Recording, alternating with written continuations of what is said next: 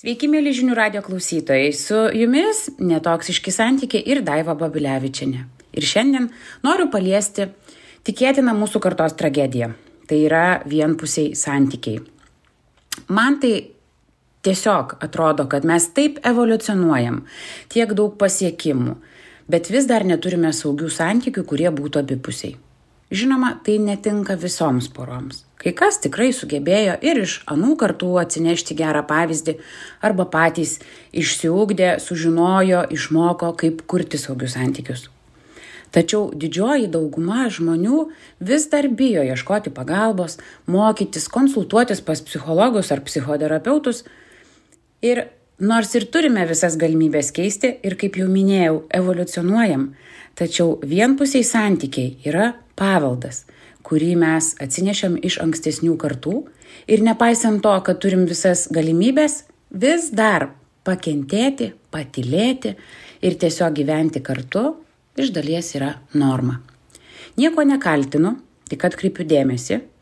Ir šiandien mano komentaras ir bus apie tai, kaip tuos vienpusius santykius pažinti.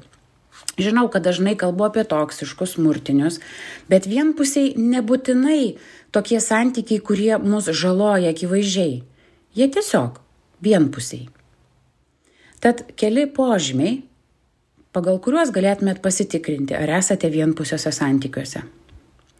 Vienas iš požymių tai yra tai, kad negalite pasikliauti savo partneriu, bet pats pati visada esate šalia visada esate to žmogaus užnugaris, jis yra jūsų prioritetas, bet atsako nėra.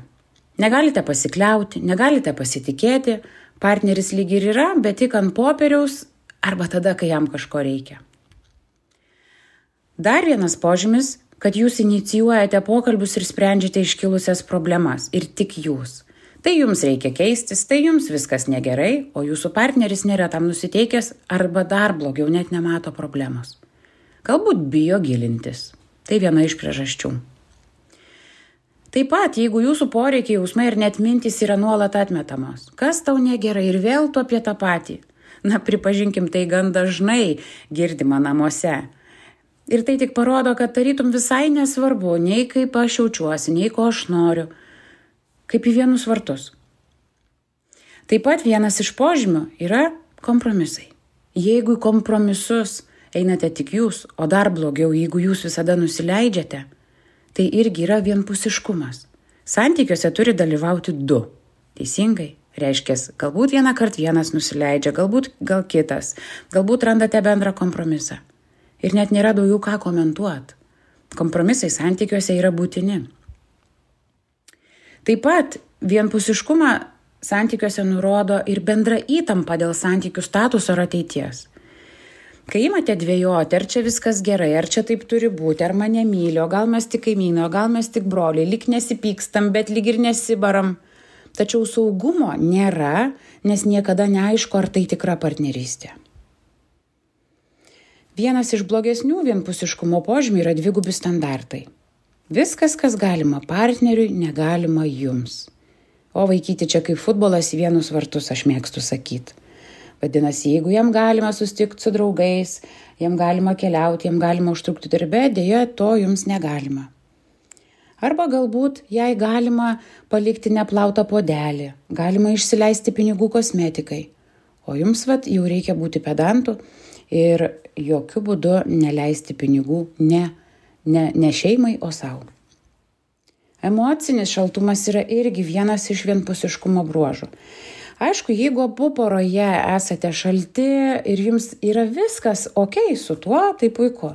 Bet jeigu vienai pusiai tos emocinės paramos nuolat trūksta, e, nėra jokio emocinio buvimo drauge, tai tikrai kirvi santykiams ir psichologiniai būkliai. Ir jeigu prieš kalbant pagalvojate du kartus, tai irgi galėtų būti vienpusių santykių indikacija, nes nežinia, kaip antra pusė reaguos. Būna, kad bet kokia komunikacija iššaukia ginčą, pasipriešinimą, tad jau įpratote apgalvoti, kas svarbiau - tyla ar ginčas. Nesulaukti teigiamojo grįžtamojo ryšio būtų labai netikėta. Na ir pats paskutinis, toks apibendrinantis galbūt požymis, kad tie santykiai yra vienpusiai, tai kad patys santykiai kažkuriam iš jūsų primena prievolę. Kai vienas asmo imasi veiksmų, inicijuoja, stengiasi, kad tik santykiai būtų gyvi ir puoselėjami, o kitam visiškai neįdomu nei tie pokalbiai, nei intimumas, nei prasmė, pradeda atrodyti, kad tam, kuriam neįdomu, tie santykiai yra tiesiog našta, prievolė. Reikia, tai reikia. Bet ar noriu? Jeigu atpažinote, kad jūsų santykiai vienpusiai, galbūt laikas nusimti tuos e, tokius lengvus rožinius akinius ir drauge pasikalbėti. Ar mes esame poroje? Ar mes kažkur judame į priekį drauge? Ar visgi gyvename kaip svetimi žmonės? Juk jeigu yra tik noras visgi kažką keisti, šiais laikais galimybių yra labai daug. Te lieka jomis pasinaudoti. Na ir atminkite. Keičiamės mes ir keičiasi pasaulis. Bet šį kartą į parankę prigriepkite ir savo antrąją pusę. Čia buvo Daiva Babilevičiane ir netoksiški santykiai.